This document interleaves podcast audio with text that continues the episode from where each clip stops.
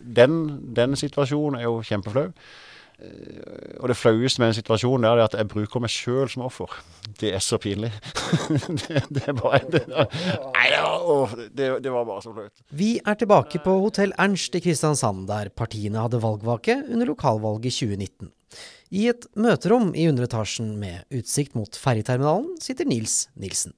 En karismatisk mann med langt hår, grånende femdagersskjegg og et blikk som vitner om en veldig tilstedeværelse, skal fortelle oss om en post han delte på Sørlandsnyhetene lørdag 13.4.2019. Nei, det var ikke synd på han. Jo, eller Ja, nei, uff, nå tuller jeg meg vekk. Altså eh. I posten henger han ut Marius Skoie for å ha gått til angrep på ham utenfor en Prix butikk.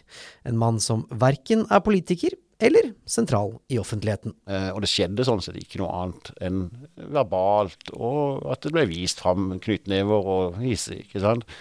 Er det noen som kjenner denne personen? Han vil stoppe min ytringsfrihet og true med vold, skriver Nilsen til mer enn 20 000 følgere. Han legger også ut tre bilder av Skoie han har funnet i sosiale medier. I innlegget får han også plass til kritikk av folkevalgte og sentrale personer i kunstsilosaken vi hørte om i forrige episode. I kommentarfeltet skriver Jonny burde vært skuddpremie på Sanne. Problemet var bare det at eh, Marius Skoie, han var i bursdagsselskap hos naboen han da hendelsen skulle ha skjedd. Det som kanskje er det verste, det er det at med bildet følger jo navnet. Og da blir det jo feil navn også. Så det var liksom ikke bare feil bilde. så, så. Nils Nilsen fremstiller seg selv som en mann med utmerkede journalistiske egenskaper, kilder og innsynskompetanse. Hva hadde gått galt? Og så måtte jeg finne rett vedkommende. Og så eh, begynte jeg å undersøke folk i det miljøet Eh, og der fant jeg jo bilde av fyren. Jeg vet, helt overbevist om at det var han. De hadde, han hadde sånn en eh, fiskevest. Spør, spurte du den først? Spør, ringte du noen og spurte er det deg? Nei, jeg fant navn og alt det der uh, gjennom å drive og grave litt. Så viser det at de, de, er jo en sånn liten, eller var på det tidspunktet sånn liten gjeng som alle hadde litt sånn der, litt hipsterskjegg og caps. Og, alle ligna litt? De var ganske like. Og så var de på toppen av alt så var det et par stykker av de som hadde sånn kulerunde klinke, sånn klinkekuleøyer, og det kjente jeg litt igjen. Og så Valgte du bare en tilfeldig, eller? Nei, jeg, jeg, satt og studerte lenge. Og det var liksom sånn, og det var flere alternative kandidater, men jeg, jeg var 110 sikker på at å, han er det. Ikke sant? Og så tenkte jeg OK, greit. Da var det avslørt, ikke sant. Men, men jeg tok altså så inn i natta feil.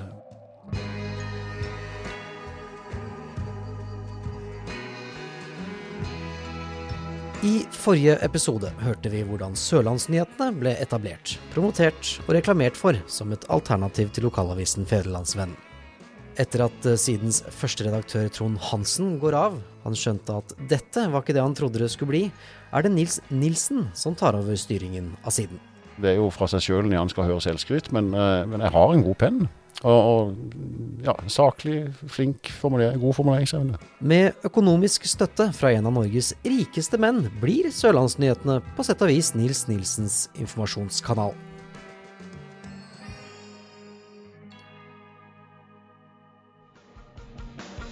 Sibo, altså, og før det hørte du at eh, flere norske kjendiser altså reagerer på det jetset.com skriver om dem. Første gang Norge ble kjent med Nils Nilsen, var i 2000, da han var med på andre sesong av Robinson-ekspedisjonen. Og Jeg er med meg Nils Nilsen fra Robinson. God dag, Nils. God dag, god dag. Stoler du på jetset.com, Nils? Nei, eh, for å si det sånn, jeg har vel neppe opplevd noe mer upålitelig journalistikk, for å si det sånn. Ser du det? Ja. Under et såkalt nettmøte hos VG Nett ble han skjelt ut av leserne. Det er helt OK, svarte han da. Han likte å provosere. Hadde du sex med Linda i Robinson på øya der? Jeg kan godt si uh, som sant er at jeg har faktisk ikke hatt sex med Linda på Robinson. Uh, jeg ønsker på en måte uh, å poengtere at folk kan ikke bare skrive hva de vil. De kan spekulere, og de kan vurdere, og de kan høre på rykter. Men når de legger ord i min munn som ikke er uttalt, så er det løgn. Samtidig som realityserien ble sendt på TV3, måtte Nilsen i fengsel. Dømt til syv måneder for trygdesvindel. I Fyresdal i Telemark ligger den eh, siste skogsforlegningen for fanger her i landet. Straffen sonte han på et skogstun i Fyresdal.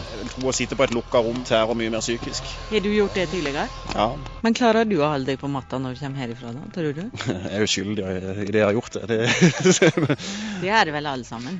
ja, alle er det. Men altså, du kan si, for mitt vedkommende altså, tilhører jeg langtidssonen eh, økonomisk kriminalitet, og eh, jeg anser ikke det for å være noe problem å holde seg borte fra, for å si det sånn. Bystyrerepresentant i Kristiansand Nils Nilsen fra Demokratene er dømt til betinget fengsel. I 2021 ble Nilsen dømt til 45 dagers betinget fengsel for regnskapsrot og unndragelse av penger etter en konkurs med Agder havrafting i 2018. Han er også dømt til å betale en bot på 20 000 kroner, men slipper å sone i fengsel. Som tenåring var Nilsen engasjert i politikken og medlem i Sosialistisk Ungdom. I 2014 meldte han seg derimot inn i Arbeiderpartiet, og er sitert på at hans hjerte kanskje egentlig lå nærmere både SV og Rødt, men han tenkte at Arbeiderpartiet hadde større gjennomslag politisk. Og i starten av mars 2018 tar han over roret ved Sørlandsnyhetene.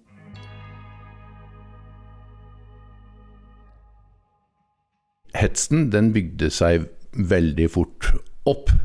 Og hetsen dreide seg jo ikke nødvendigvis om kiloen som sådan, men det dreide seg om meg som person. Og, og det ble ganske merkelig. I en av de aller første postene går han til angrep på Halvard Aglen med spekulasjoner om at han har deltatt i smugling av 25 000 flasker vin. For da er det alt fra smugling av 25 000 flasker vin til, eh, til stygge beskrivelser om, eh, om holdninger og eh, personlighet som sådan. Aglen var i 2018 havnedirektør i Kristiansand, og sto helt sentral i kunstsilosaken vi hørte om i forrige episode. Det var under hans styre havna hadde kjøpt tilbake siloen fra en svensk eier, og det var under hans styre den skulle overføres Kristiansand kommune. Halvard Aglen var en av de som fikk gjennomgå aller mest det første året. beskrivelsen av meg som aktør når det gjelder å håndtere eh, smugling, den, den, den satt eh, voldsomt når den kom. Og det er nok den jeg sånn sett eh, husker mest. Og det var også fordi at den kom veldig tidlig. Og, og den var absurd, fordi at å, å, å ha tatt del i smugling er jo helt, eh, helt bortafor hva, hva jeg kan eh, tenke meg å ha vært i nærheten av. Men det ble jo da kobla opp mot det at det var at havna var på en måte involvert i det, og jeg ble da selvfølgelig involvert i det. Og det var en merkelig beskrivelse som nesten er vanskelig å redegjøre for, for fordi at den, eh, det endte opp med 25 000 flasker vin som var smugla. I Posten, datert 2.4.2018, argumenteres det for at Aglen er med i en herreforening, populært kalt Klubben.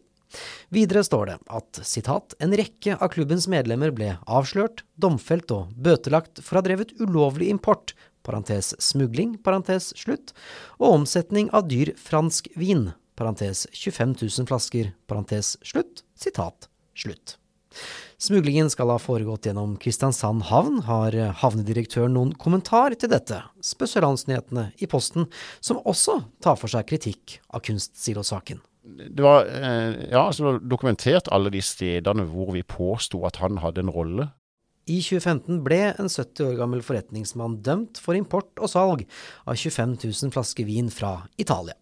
Ved hjelp av venner og familie fikk han hjelp til å importere vinen, som skal ha blitt solgt til venner og bekjente i Kristiansand. Når vi tok opp denne vinsaken, som var en stor skandale altså vi med Men hvordan visste du at det var Aglen som var involvert der? Vi visste jo at det var til venner av han i Kristiansand, eller, men hvordan visste du at det var Aglen? Jeg hadde innsyn, eller det vil si jeg skaffa meg innsyn i uh, rettsdokumenter som var unntatt offentlighet. Ok, så de er Der står det at Der står navnet Aglen nevnt. Der står det 125 navn eller noe sånt. Og 100, og der er Aglen nevnt. Der har Aglen nevnt. Men hvorfor er ikke det referert til i posten om de 25 000 flaskene? Fordi at uh, jeg lovte å ikke uh, publisere de dokumentene som var uh, Kall det rettsforliket, da, som var hemmelige. Ok. For Aglen ble jo aldri dømt, og i Norge så er man på en måte uskyldig til man er dømt, sant? Ja, og eh, Og det han er heller ikke nevnt i dommen, vel? Nei, men det er, for å si det litt enkelt, da. Eh, og nå er vi plutselig i en situasjon hvor jeg skal eh, sitte i faktisk.no, ikke sant? men men, men eh, hvis man leser og setter seg inn i denne saken, så ser man jo at det er én som er hoveddømt. Ja. Og så er det uh, ufattelig mange som er bøtelagt. Og i bøteleggingen Aglen ble bøtelagt, da? Ja. Ok, Og det har du dokumenter på? Jeg har dokumenter på det, at, ja, at han er blant de bøtelagte. Ja. Ok. Mm. Eller hadde. Ja. Hvor er de nå, da? Eh, Det kan hende det ligger noe i kjelleren enda, men jeg har eh, Det jeg har, er jo ei fil som jeg fortsatt har. ja. Som er eh, på en sånn minnepinne som, eh, som egentlig gir et innsyn i alt som eh, var, og alt som har vært, og en del sånne ting. Og Den har jeg spart på, men, men eh, det er mange som har spurt om de kan få den. Ja, for det er litt av kjernen med det vi Ja. jobber med, i hvert fall. Ja, ja, ja. Vi vil gjerne ha den, vi. Ja, selvfølgelig. Nilsen leverte aldri noen dokumentasjon på at Halvor Aglen var bøtelagt. Ja, null rot. Helt meningsløst. Jeg har jo selvfølgelig aldri vært i smuglersammenheng. Det er, det er jo så bort, bortafor. Men det er ganske touchy, fordi at du sitter jo som havnedirektør, og du råder jo over ganske mye når det gjelder logistikk og, og, og det å finne løsninger. Slik at det å lage en, en sånn beskrivelse kunne jo også medføre at folk begynte å lure på hva i all verden er dette. Det høres, det høres merkelig ut, men det, det er mulig. Og, og det var i, i det sporet man bygde dette, fordi at man underbygde jo ikke påstandene sine. Man slengte ut påstander i hytt og pine. Når Nilsen tar over siden, blir det også fritt frem for hvem som helst å sende inn innlegg. Innsenderne kan selv velge om de vil være anonyme. det rant jo inn med innlegg fra alle mulige rare anonyme mennesker. Og da fikk jeg det inn, og eh, det som var anonymt, det ja, gikk jo over og redigerte det som måtte bort. Men sånn generelt så kan du si at eh, jeg publiserte det som kom inn.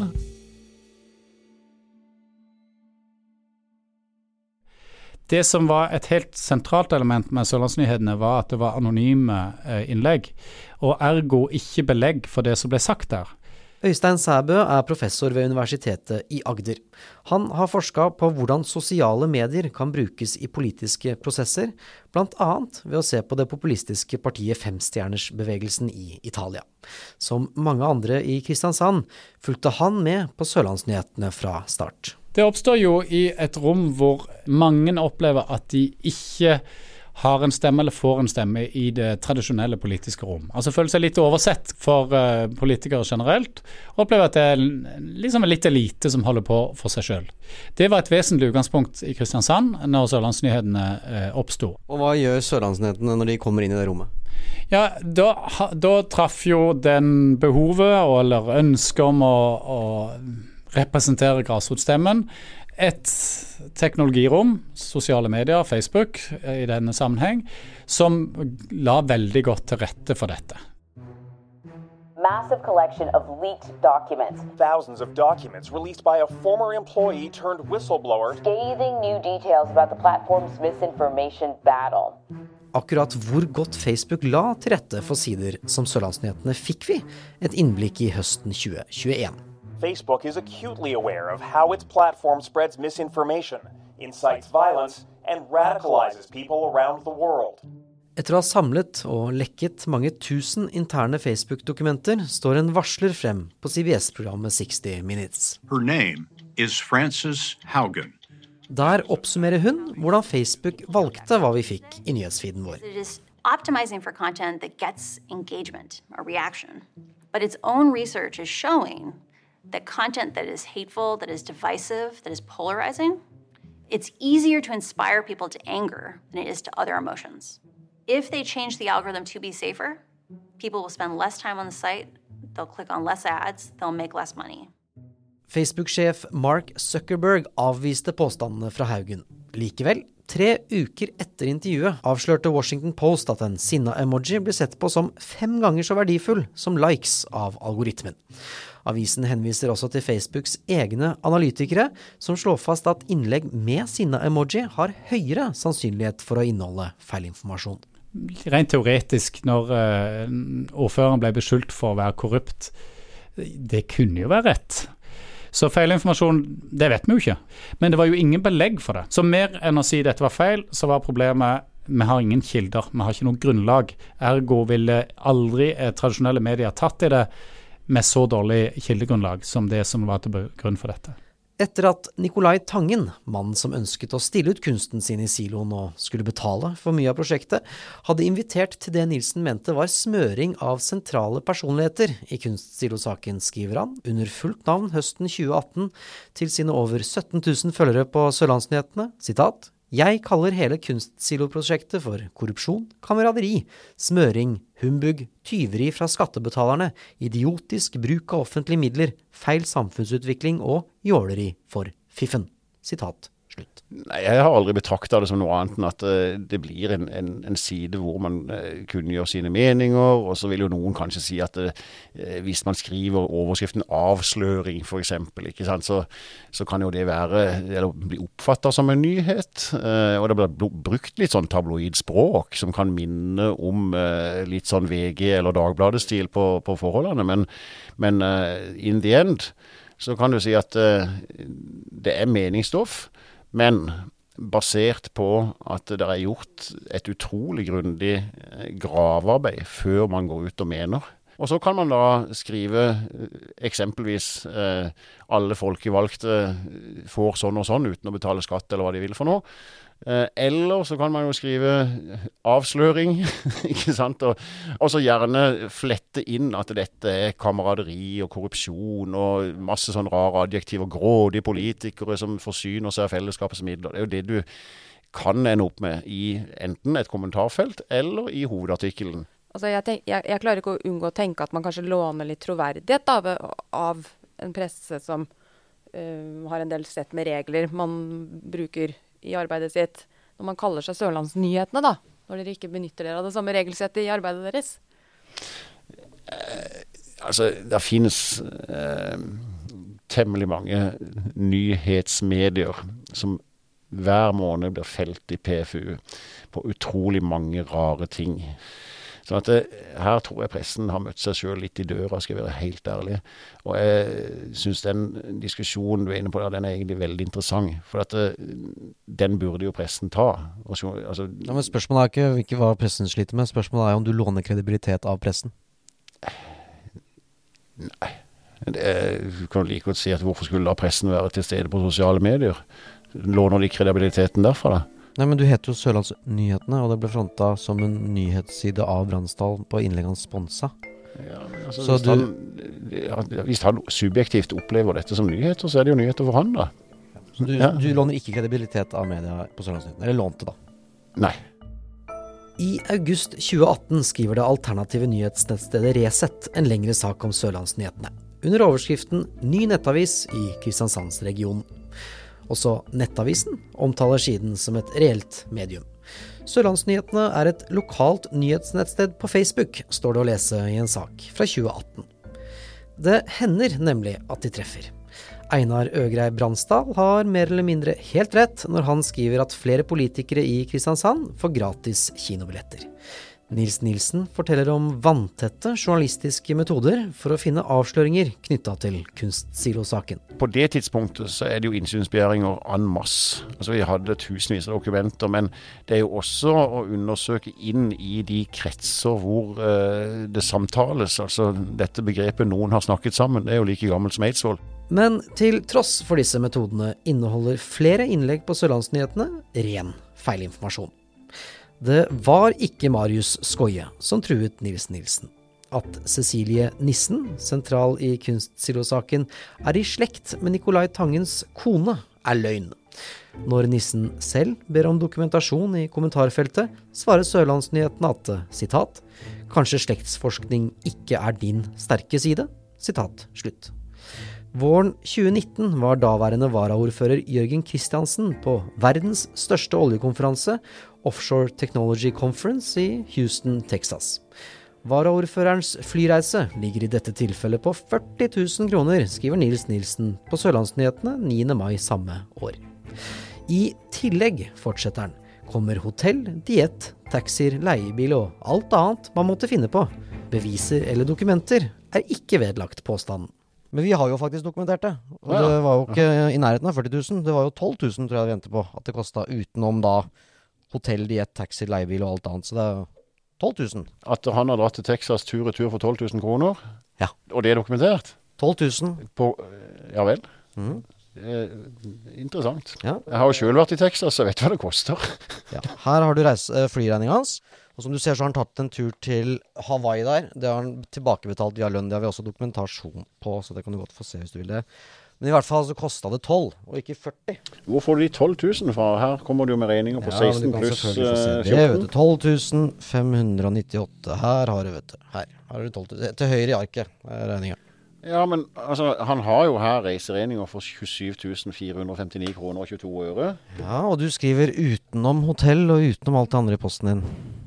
Hva annet utenom er det, da? Det er jo bare Hva er det du tenker kun flyturen? Ja, nei, jeg tenker du skriver det. Ja, ok. Til sammen leverte Jørgen Christiansen utlegg for 27 500 kroner for turen til Texas. Av disse var 7700 kroner for flybillettene og 4900 kroner for deltakeravgiften. Altså 12 600 kroner. Alt utenom, som i hovedsak er hotell, taxi og mat, endte på 14 861 kroner. Det er jo langt unna de 40 000 du konkluderer med at han har betalt. Eller fakturert kommunen. Så men, da eh, blir, da blir spørsmålet mitt hvorfor skal jeg stole på at du har dokumentasjon på at Aglen har smugla inn vin, når jeg ikke kan stole på at du har dokumentasjon på den turen der? Det kan hende at vi har altså For å si det sånn, jeg, skal være først til å innrømme at vi hadde en fire-fem saker som vi bomma. Det skjer, det. Ja, Men du sier jo ikke at du bomma her. Du sier det jo først når jeg forteller deg at du bomma. Nei, men hvis man går inn og ser på hva som er det totale forbruket av offentlige midler i kommunen, pluss havna, som i dette tilfellet Jo, jo, men her handlet det om den konkrete turen, da. Ja, det handler om også i dette tilfellet en konkret person. Og eh, man kan jo kanskje si at eh, OK, Så du rettferdiggjør da feilinformasjon ved å si at ja, men det foregår sånn andre steder, så det er ikke så farlig. Nei, det gjør jeg ikke. Og jeg, jeg tror nok at eh, i dette tilfellet med Jørgen Kristiansen, som jeg kjenner godt, eh, så skulle jeg ikke forundre meg om han lå betydelig lavere på en del sånne ting enn det folk flest gjør. For han er også ikke den som er svinger begeret i baren. da er det jo ekstra kjipt å henge ut akkurat Ja, han, da, som faktisk enig. henger lavere. Helt enig. Innlegget om Kristiansens tur til Houston er lagt ut anonymt, uten forfatter. Det er ikke hentet tilsvar eller kommentar, det er ikke vedlagt dokumentasjon, og det eneste leser har for å vurdere sannhetsgehalten, er tilliten til Sørlandsnyhetene.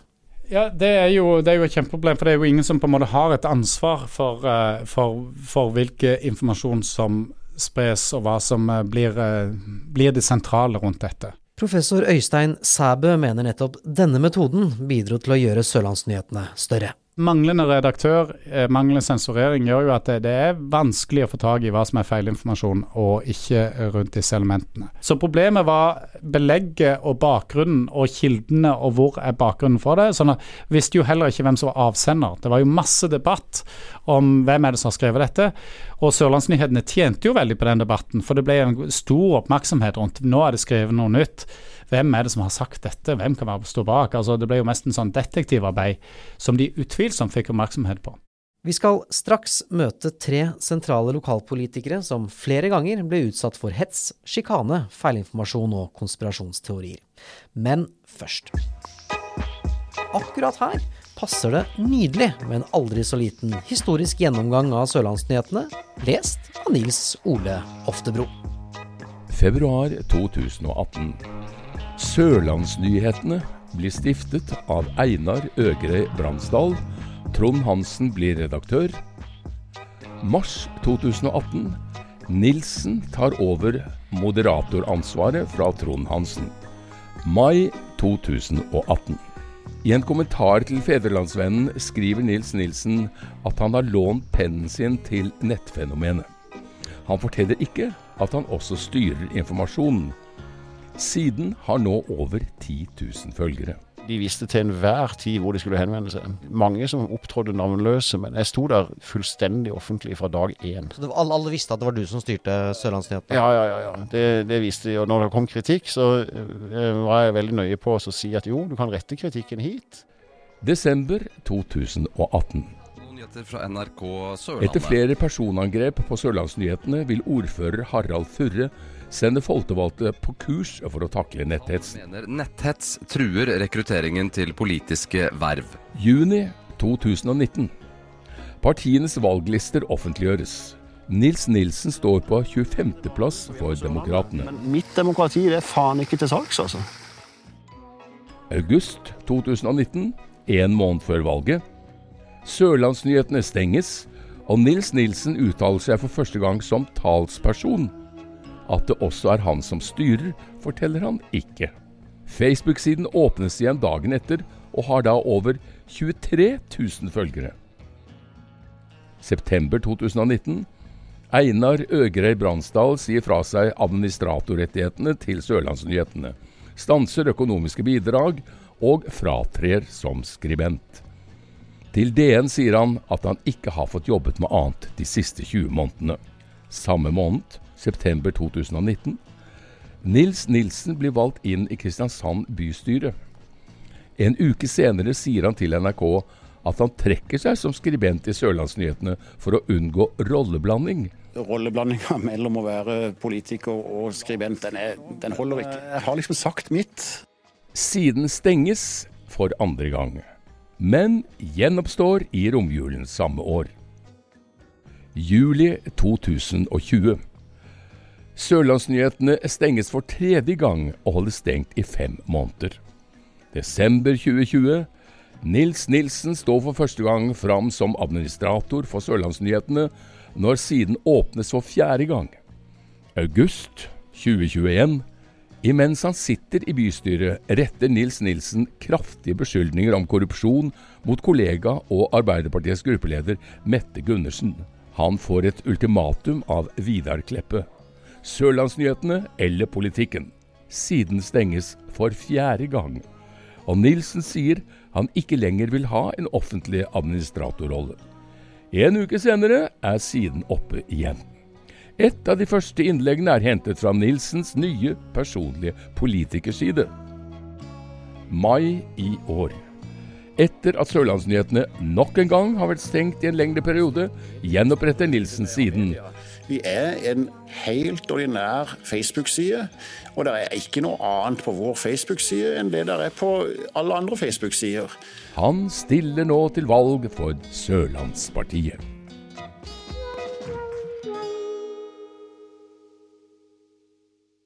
Den grusomme, korrupte, kriminelle politikeren som nå styrer Kristiansand, så ble jeg liksom brukt som eksempel på det. Mette Gundersen var gruppeleder i Arbeiderpartiet før valget. 12.9.2018 rapporterer Sørlandsnyhetene et utsagn Gundersen skal ha kommet med. Sitat. De fattige vil aldri få råd til bil. Disse ordene ble uttalt av Mette Gundersen fra Arbeiderpartiet under Ap-møtet, hvor hun følger opp med at de fattige får et fantastisk busstilbud dersom Ap får gjennom sine betingelser.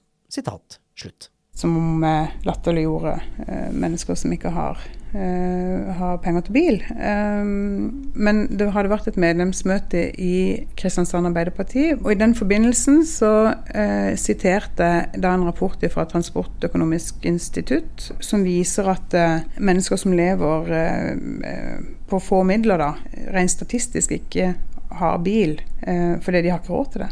Og jeg sa at kanskje spesielt for den gruppa der vil jo det å få et bedre busstilbud være viktig. Du kunne bare slenge ut påstander om personer og saker. Jeg har hørt at osv. Så, videre, så ble det gjort til et sannhet. Og så var det på mange måter eh, motstanderen som da skulle slåss med et anonymt troll og motbevise den påstanden. Du er en idiot, kunne jeg si til det. Nei, det er jeg ikke. ikke hvordan, hvordan beviser du, motbeviser noe sånt? Harald Furre var ordfører for Høyre fram til valget i 2019. Verdens største tosk har vi her, skriver Olav i en kommentar på Sørlandsnyhetene. Idiot av de største! Egoet ditt er kvalmt, avslutter han til Furre. Og så skrev vi tilbake det var da en voldsom krass kommentar. Har vi møttes hverandre? Har vi møttes noen gang? Nei, jeg har ikke møtt deg, men jeg har lest på Sørlandsnyhetene og Einar Øgre Bransdal, og det er mer enn nok. Og Den type opplevelser var jo ja, det er ganske guffent, faktisk. Eh, skattelistene ble jo slått opp, eh, og der kom det jo fram at jeg tjente, tjente god årslønn. Til tross for sin unge alder har Jannicke Arnesen fra Arbeiderpartiet sittet i bystyret en årrekke. 13.9.2018 står det på Sørlandsnyheten at hun har inntekter som nærmer seg millionen av offentlige kroner. Som at jeg berika meg heftig og godt på politikk.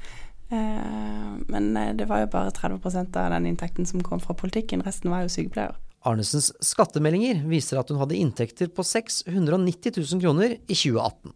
Av disse var 240 000 fra arbeidet som politiker, altså 35 I I 2017 tjente hun totalt 650 000. Jeg tror det som kan kanskje i hvert fall det som har gått mest inn på meg, er når jeg har fått eh, kommentarer på vekta mi og hvordan jeg ser ut.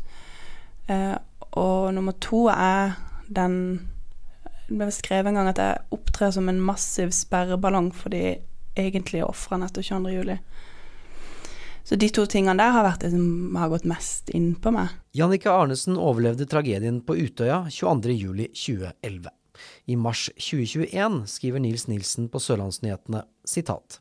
Jannicke Arnesen, parentes Ap, parentes slutt, har siden den gang hun trygt satte seg på ferjen bort fra sine beskutte venner og den fryktelige terrormassakren på Utøya 22.07.2011, aldri nølt med å stå frem som en massiv sperreballong for de virkelige ofrene.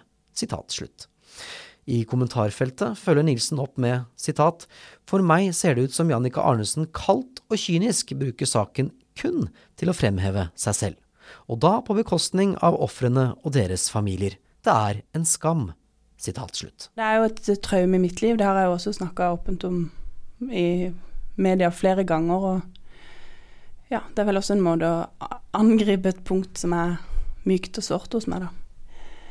Jeg tror jo de fleste rasjonelle oppegående mennesker eh, tar inn over seg andres Eller ikke nødvendigvis tar inn over seg, men lytter til andres synspunkter om egen oppførsel. Og så klarer jeg jo ofte å sortere ut hvis det er helt sånn psyko, men allikevel så er det noe med at når noen jeg vet ikke, når noen klarte å stille spørsmålstegn med, med hvem jeg var, og hva som egentlig var min politiske motivasjon, så øh, ja.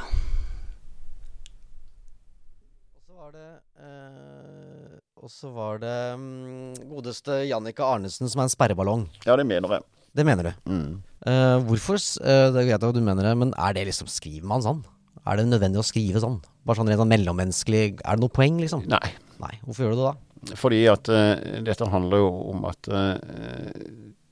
man kan skrive mye rart, og kanskje sperreballong. Det er jo egentlig veldig dumt, faktisk.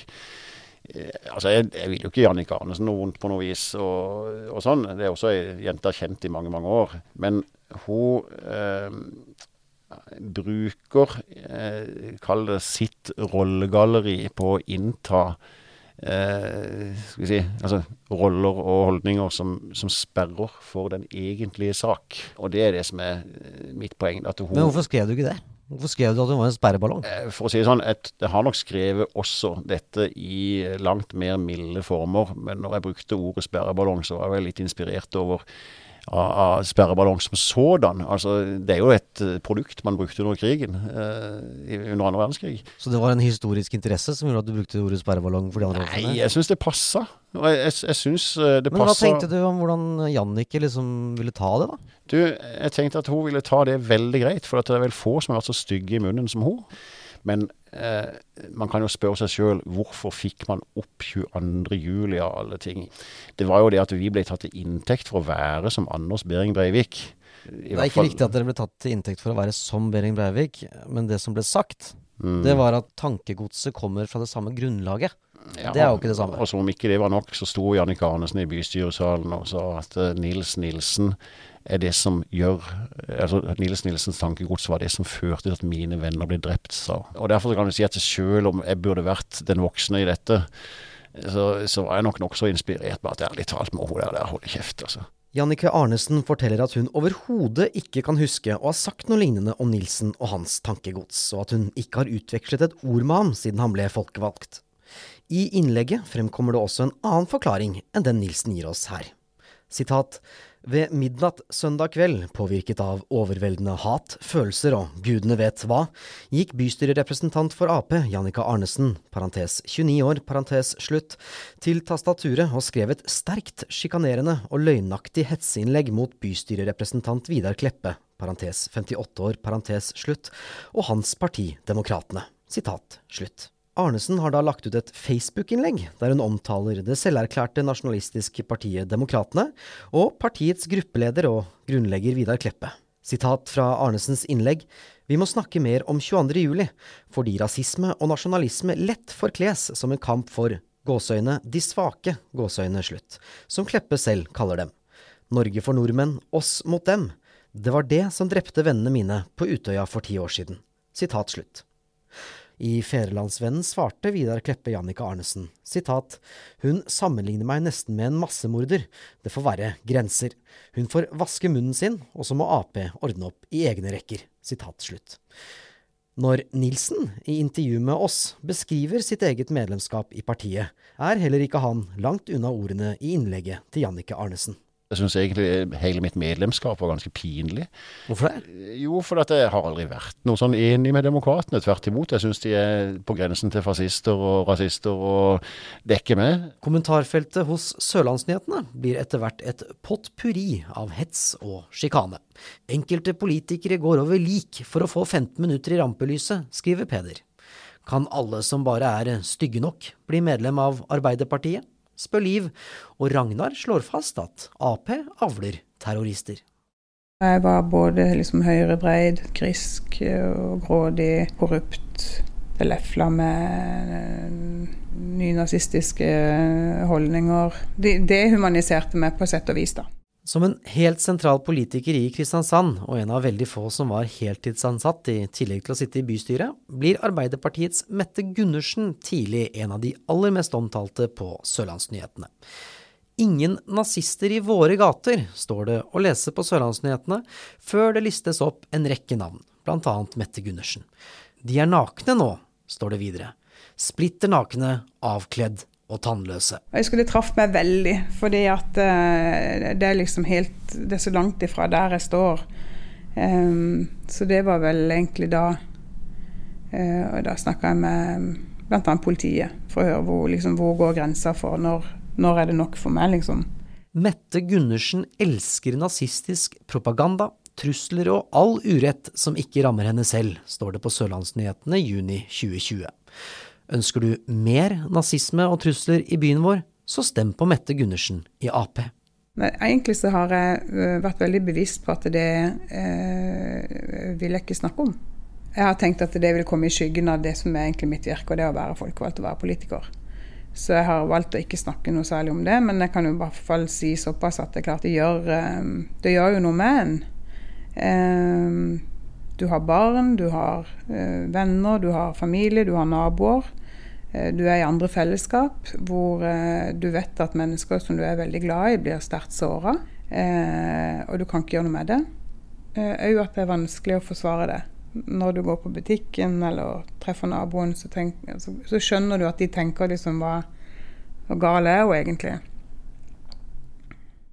Nei, Jeg kjenner Mette Gundersen, jeg vet at hun ikke er en nazist. Med mindre hun har begynt å legge seg til fascistiske holdninger, så tviler jeg på hun er det, men uh, Ønsker du mer nazisme og trusler i byen vår, stem på Mette Gundersen. Ja, Mette Gundersen bejubler og hyller og eh, på mange måter bidrar til å markedsføre det uttrykket Cornelius Jakelen står for, og det uttrykket er nazistisk. Nilsen sikter her til den lokale kunstneren Cornelius Jakelen og hans utstilling Angel of Death. I utstillingen, som er en reaksjon på debattklimaet i Kristiansand, bruker han bl.a. nazistiske symboler som et virkemiddel.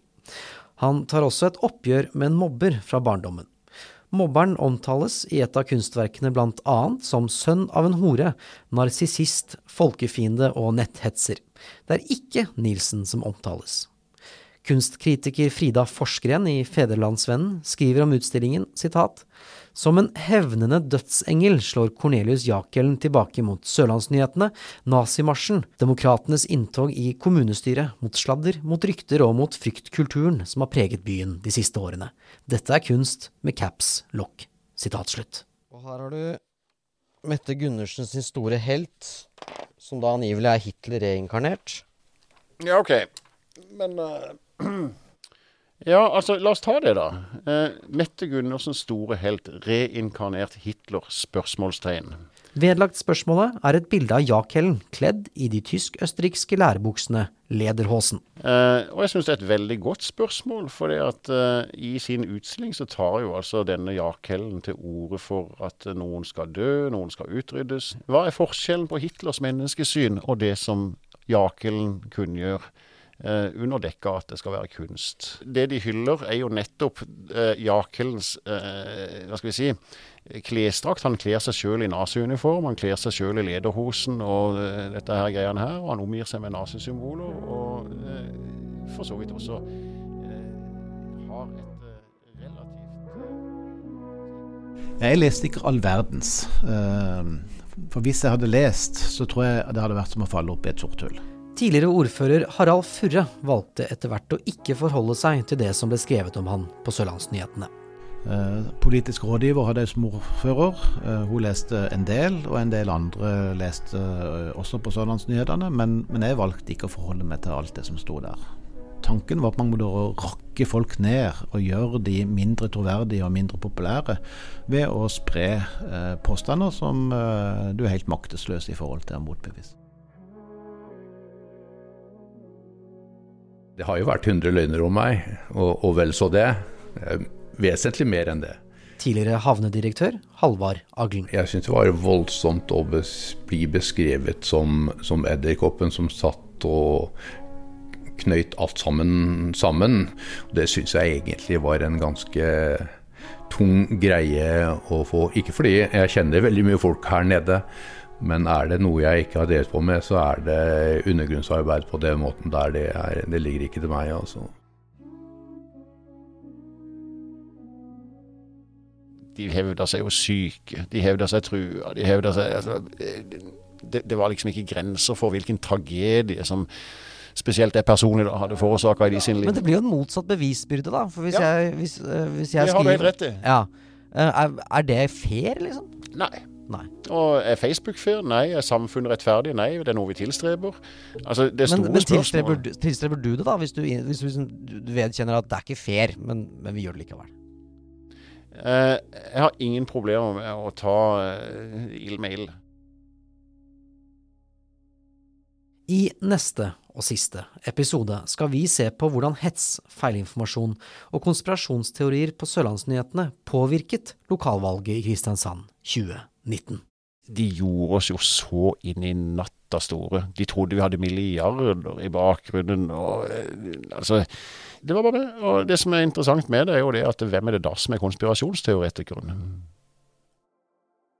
Du har hørt andre episode av podkastdokumentaren Sørlandsnyhetene hets, løgn og lokalvalg, produsert av faktisk.no og distribuert av Acast. Research, intervjuer og redigering ved Eva Akebekk og meg, Nikolai Delebekk. Du har hørt lyd fra NRK, CBS og Epidemic Sound. Takk til Fedrelandsvennen for å ha delt sitt innsamlede materiale, og takk til Nils Ole Oftebro for utlån av sin stemme.